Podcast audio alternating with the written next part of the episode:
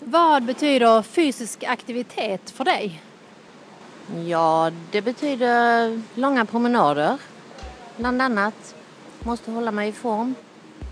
Brukar du gå långa promenader? Ja, jag är tvungen för jag har hund.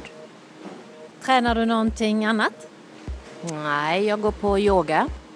Hur ofta tränar du? Ja, yoga tränar jag en gång i veckan. Och ut och gå med hunden ett par timmar om dagen, det gör jag varje dag. Hej, eh, brukar du träna någonting? Nej, inte mer än att gå ut med hundarna. Vad betyder fysisk aktivitet för dig? Träna på gym eller spela fotboll, bollspel, bollsporter kanske. Vad tror du är bäst, att vara lite överviktig och vältränad eller att bara vara smal och inte träna så mycket? Lite överviktig och vältränad.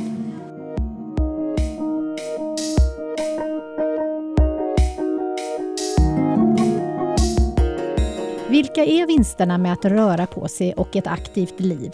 Hjälper det att jag står upp och arbetar eller måste jag ut och springa eller gå på gym flera gånger i veckan?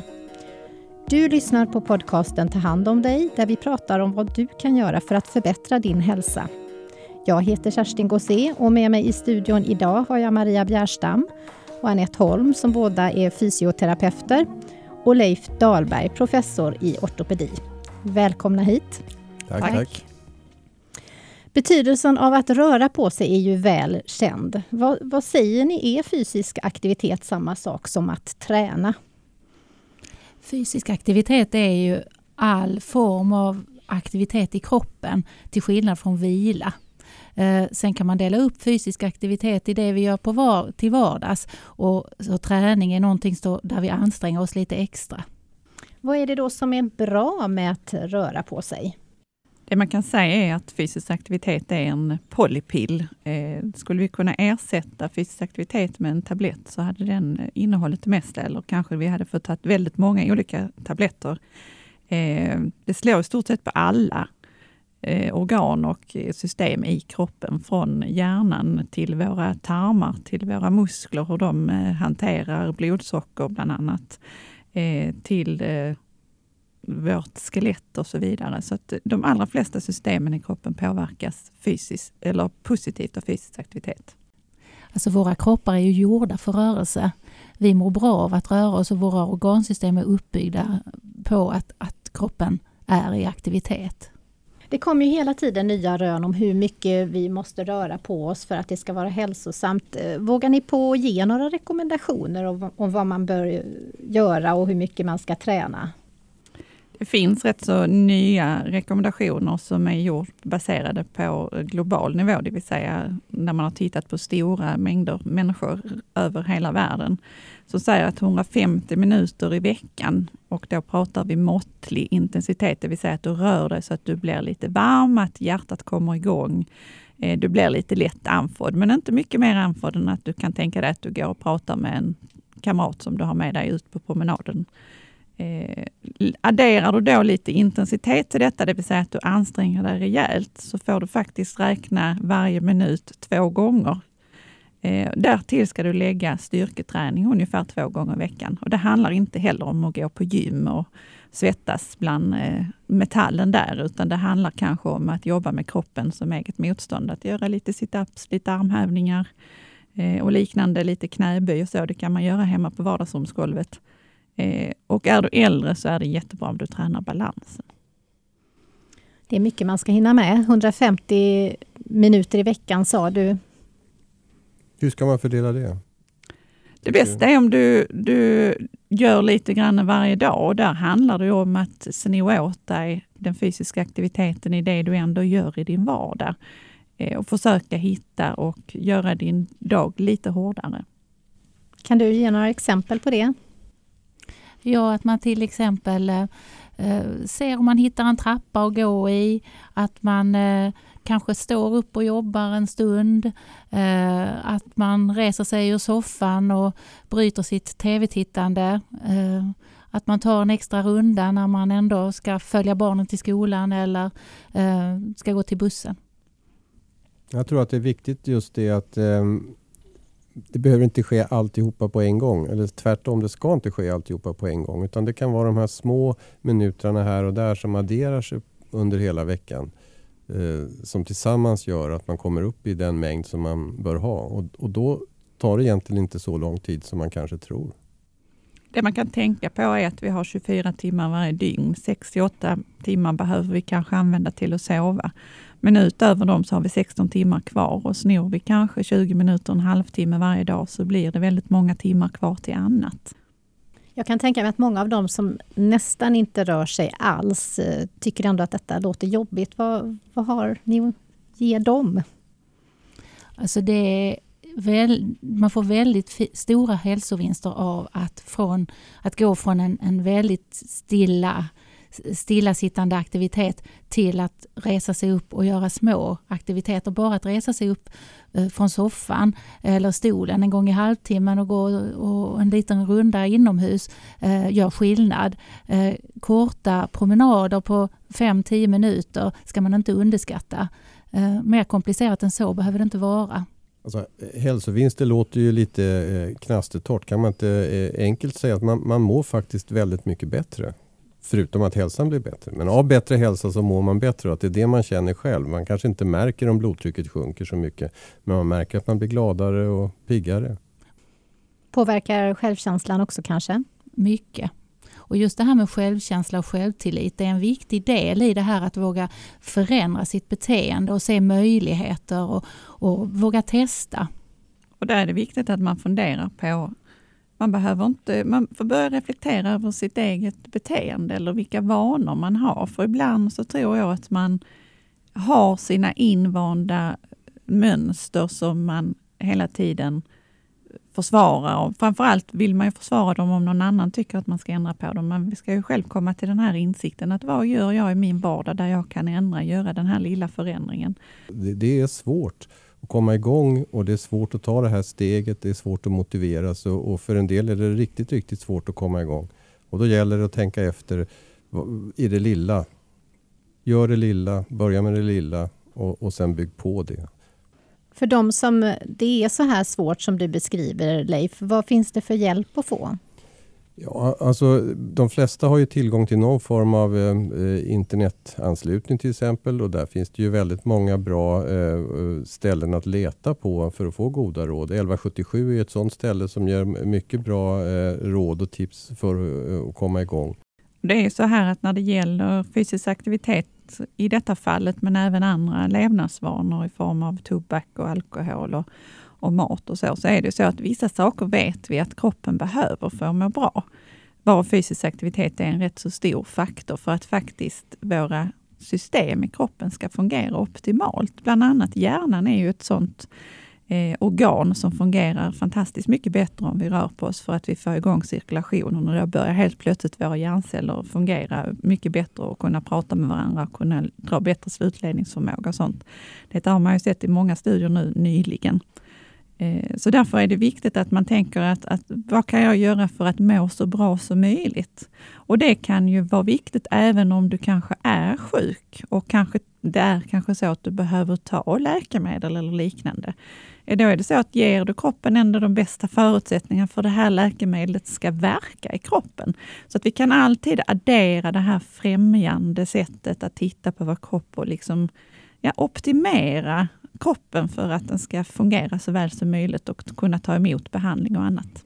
Men om jag då till exempel har blivit lite äldre och fått problem med en höft eller ett knä och tycker att eh, då kan det väl inte vara bra att, att promenera och utsätta mig för verken. Ja, det är en, en, en vanlig föreställning att eh, smärta ska behandlas med vila. Um, och det är ju visat i väldigt många olika studier i många olika organ att så är inte fallet. Akut smärta och akut sjukdom, hög feber, infektion, ja det är vila. Men muskuloskeletala smärtor behandlas bäst med att faktiskt röra på sig och att bygga upp styrka i, i sin muskulatur i sig smärtlindrande. Så att, har man ont eh, i, en led så ska man eh, jag tycker man ska träffa en fysioterapeut eh, och förstå eh, vilken typ av övningar som är bra för att, eh, och att man mår väl av att komma ut och röra på sig. Så att smärtor i knän och höfter är inget skäl att förklara för sig själv varför man skulle inte röra på sig. Det är ju snarare så att fysisk aktivitet är en av hörnstenarna när det gäller behandling av dem, eh, den typen av problem. Och, och har man kroniska sjukdomar, ja då kan man behöva stöd och anpassning i det man ska göra och då är det bara att vända sig till oss i hälso och sjukvården så hjälper vi till med det. Det finns ganska väl utarbetade eh, principer för hur man kan träna när det gäller olika sjukdomstillstånd. Eh, så där finns det hjälp att få. Om jag säger hiss eller trappa, vad säger du då? Trappa. Tränar du någonting? Ja, jag tränar på gym. Varför tränar du? Nej, hälsa, få bli av med magen och ja, känns bra. Vad tror du är bäst, att vara lätt överviktig och vältränad eller att bara vara smal? Tror, jag vet inte, jag tror inte det spelar någon roll egentligen. Båda är nog bra. Vilket väljer du om jag säger hiss eller trappa? Trappa. Alltid? Nej.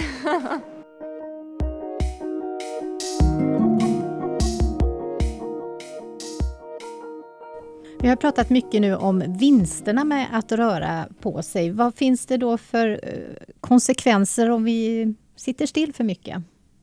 Ja, det blir ju lite grann tvärtom. Att, eh, likväl som alla organsystem mår bra av att vi rör på oss, likväl tycker alla organsystem illa om eh, om vi inte rör på oss. Och, eh, om man går tillbaks historiskt så var det ju kanske eh, ett problem eh, att vi hade för lite mat och att vi fick röra oss för mycket för att få tag på föda. Eh, nu är det ju i princip omvänt. Det finns ett, ett stort överflöd av mat som vi stoppar i oss och eh, hela vår värld är, är uppbyggd kring att vi ska behöva röra på oss så lite som möjligt. Och då är det kanske inte så konstigt i det här korta perspektivet som vi talar om nu i, i förhållande till de miljontals år som vi har utvecklats att vi på de senaste hundra åren när vi slutar röra på oss, det mesta i kroppen eh, går dåligt. Eh, vikten ökar, typ 2-diabetes kommer, ledsjukdomarna ökar, olika cancersjukdomar ökar och så vidare. Så att eh, ja, omvänt i, i, ingen del av kroppen mår bra av vila utom, utom den vila som är viktig eh, på natten, att vi sover. Alltså vi måste, det är den vila vi ska ha. För övrigt så ska vi nog undvika att sist, sitta stilla.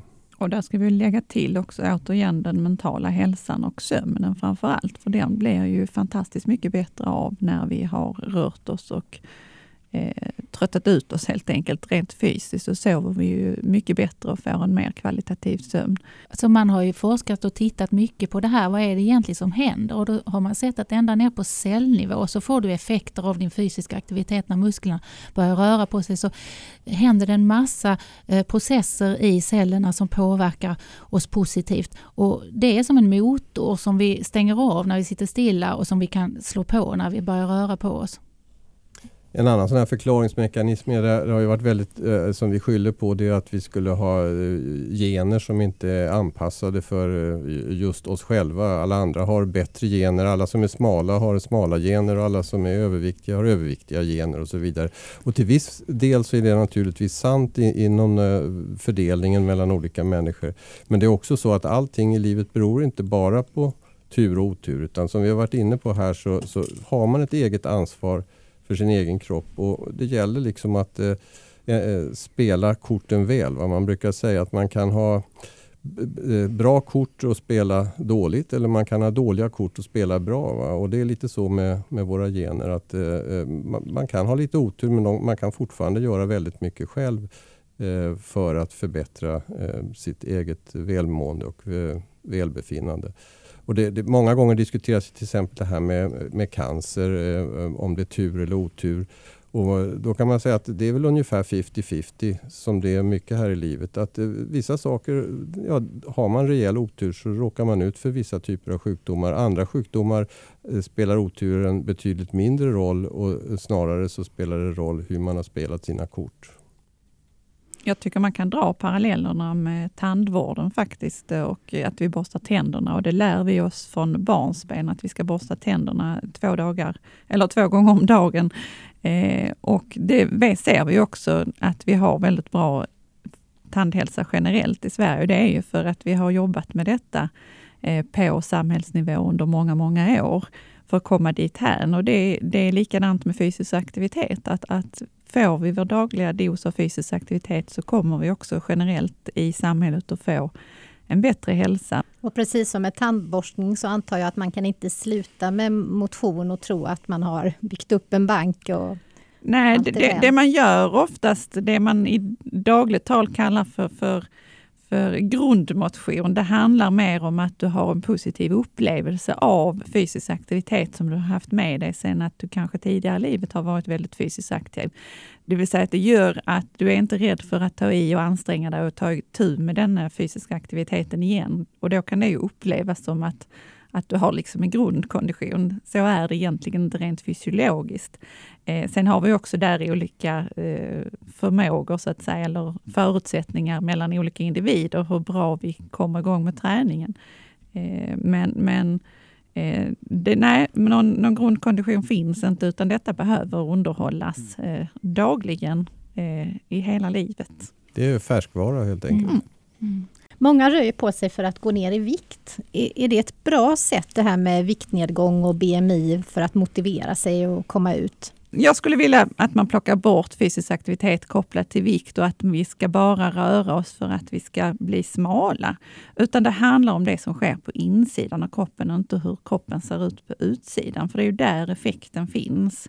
Kan det rent utav vara så att det är bättre att ha några extra kilo och vara fysiskt aktiv än att vara smal och inte röra på sig? Absolut så är det på det sättet. Alltså eh, underviktig eh, eh, eller normalviktig otränad är i sämre läge än överviktig och vältränad. Och Det kanske man inte alltid tänker på. Och det är precis som Maria säger, det är det som är på insidan någonstans, hur, hur, våra, hur våra kroppar mår, som är det viktiga. Och det, det, de studier som har tittat på det har framförallt tittat på kondition, då, alltså vilket syreupptag vi har. Och är vi överviktiga och har bra syreupptag så är det alldeles förträffligt. Däremot eh, om vi är normalviktiga och har dåligt syreupptag så är det inte bra. Ni var inne tidigare på det här att motivationen måste komma från en själv. Men om man då har någon i ens närhet som man vet borde röra sig. Är det något eh, man kan göra för att få med sig den personen? Ja, det är väl bra att eh, gå på gemensamma promenader. Ja, socialt stöd, att ha, att ha någon med sig och, och att man drar varandra, att man peppar varandra. Det är, det är jätteviktigt för att lyckas. Så att man, att man eh, eh får bekräftelse och att någon säger att man är duktig och att man till och med kanske belönar sig själv på något sätt. Det kan ju vara ett bra, ett, ett bra eh, tips också att, att försöka hitta någon gruppaktivitet, någonting man kan göra tillsammans attitydundersökningar som har gjorts bland befolkningen i Sverige så vet vi att fysisk aktivitet är en av de vanorna som många vill förändra, men som inte riktigt vet var man ska börja. Och då har vi ju hört några tips här, att ha en träningskamrat, sök dig till en gruppaktivitet, eh, hitta, hitta bra sätt i vardagen och komma igång och röra på dig när du ändå ska någonstans. Det är ett bra sätt att börja. Är det så att vi lite till mans överskattar vår mängd fysisk aktivitet och att vi tror att vi kanske är lite hälsosammare än vad vi är. Alla eh, sådana attitydundersökningar tyder ju på det. Att om vi, vi, frågar oss hur mycket vi väger så kommer vi att skatta eh, oss lite mindre vikt än vad vi har. Och frågar vi hur långa vi är så kommer vi att skatta oss lite längre. Och frågar vi oss hur länge vi sitter om dagarna så kommer vi att säga att vi sitter i kortare tid än vad vi gör. Och frågar vi fysisk aktivitet så tänker man sig att man rör sig mer och så vidare. Det är väl en, en, en en, en rimlig normalt sätt att vara människa och en önskan att vara så. Eh, då, eh, ett, ett, bra hjälpmedel då eh, tycker jag är en väldigt enkel stegräknare mm. eller någon form av aktivitetsarmband. Det, det ger ganska bra information till oss hur mycket man har rört på sig i, i objektiva mått. Och använda det just som du säger Leif, där att man använder det lite grann för att checka av mig själv, hur jag mycket rör sig. Alltså, vi pratar ju 10 000 steg om dagen generellt när vi pratar steg till exempel. Och då är det rätt så bra att bara ha en check. Ta en vanlig dag, en vardag. Kanske man mäter en gång på vardagen och en gång på helgen, för oftast har vi lite olika rörelsemönster beroende på, på hur, hur veckodagarna ser ut. Mät det och sen så behöver man inte gå runt med det här armbandet och, och kolla av det en gång i kvarten, för det, det, det gör liksom ingen skillnad. Utan gör en check-up och sen fundera över varför ditt rörelsemönster ser ut som just det gör. För du har, det, det bästa du kan mäta det med, det är dig, dig själv. Om jag säger träning till dig, vad tänker du då? Då tänker jag jobb, jobb, slit. Du tränar inte alltså? Nej, jag jobbar. Vad betyder fysisk aktivitet för dig då? Ja, det är att gå i skogen och hugga sin ved. Och det gör du? Ja, det gör jag. Vad tror du är bäst, att vara lätt överviktig och vältränad eller att bara vara smal? Eh, Det är nog att eh, vara vältränad och lite överviktig. Om du får välja på hiss eller trappa, vad väljer du då? Trappa. Tränar du någonting? Ja, inte så mycket men rör, rör mig mycket i vardagen. Eh, på vilket sätt då? Eh, Bär på barn, upp och ner, springer hit och dit. Alltså den typen av vardags, vardagsmotion, går i trappor. Vi var inne lite tidigare på den här hälsotrenden och vi pratade om triathlon och maraton och allt vad man ska göra. Samtidigt har vi ju en annan utveckling då att vi sitter still, vi har robotgräsklippare, vi sitter, vi, våra barn sitter med iPads istället för att gå ut och, och leka. Hur, hur går det här ihop? Alltså det går inte alls ihop med att vi har de här som rör sig väldigt mycket till de som knappt rör sig alls. Eh, ja, alltså svenskar är ju, om man ser i Europa, ändå ett relativt aktivt folk. Eh, Ungefär 50 procent av svenska befolkningen kommer upp i, i hyfsat de här rekommendationerna. Men det är också så att, att man ser att, att svenskar tillhör de som sitter stilla allra mest. Eh, så att vi fördelar den här fysiska aktiviteten på korta intensiva pass och sen är det långvarigt stillasittande och det är en oberoende riskfaktor. För när du stänger av motorn under så lång tid så får det konsekvenser för hälsan. Så att bryta det här stillasittandet eh, har väldigt positiva effekter och sen så dessutom då om man har de här träningspassen så, så blir det väldigt bra. Jag vet att det är många föräldrar som är oroliga för sina barn för att de sitter inne mycket. Det är iPads och det är TV dygnet runt. Och hur oroliga ska vi vara för detta? Hur allvarligt är det?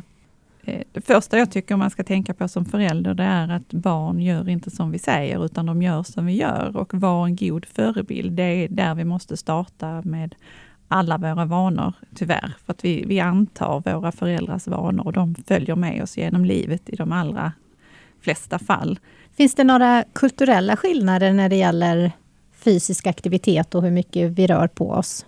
Det finns ganska stora kulturella skillnader och vi märker ju nu när vi får mycket nyanlända eh, medborgare att, att där har man en helt annan tradition där fysisk aktivitet anses som någonting som man ska försöka undvika. Eh, det är st hög status att ha en bil och slippa eh, använda kroppen. Och då är det en, en, en väldig kulturkrock att komma hit och, och förstå att här är det någonting som vi värderar högt. Eh, och och det, det är en utmaning. Det finns något som kallas fysisk aktivitet på recept. Är det något man ska fråga efter om man har svårt att komma igång? Och vad är betydelsen av, av det? Det, fysisk aktivitet på recept är ju hälso och sjukvårdens redskap egentligen för att eh, Eh, stödja och stimulera fysisk aktivitet hos sina patienter. Eh, och det handlar ju egentligen inte bara om att man får ett recept där det står att rör dig så här mycket, utan det handlar ju om att hitta just din individuella typ av fysisk aktivitet som är kopplad till ditt hälsotillstånd, det vill säga att du kanske har en sjukdom eller liknande, för att verkligen anpassa den fysiska aktiviteten. Plus att du kan få hjälp och stöd med att bli Alltså få hjälp att bli mer motiverad för att, att ta tag i detta och komma över kanske de hindren som man ser för att bli mer fysiskt aktiv.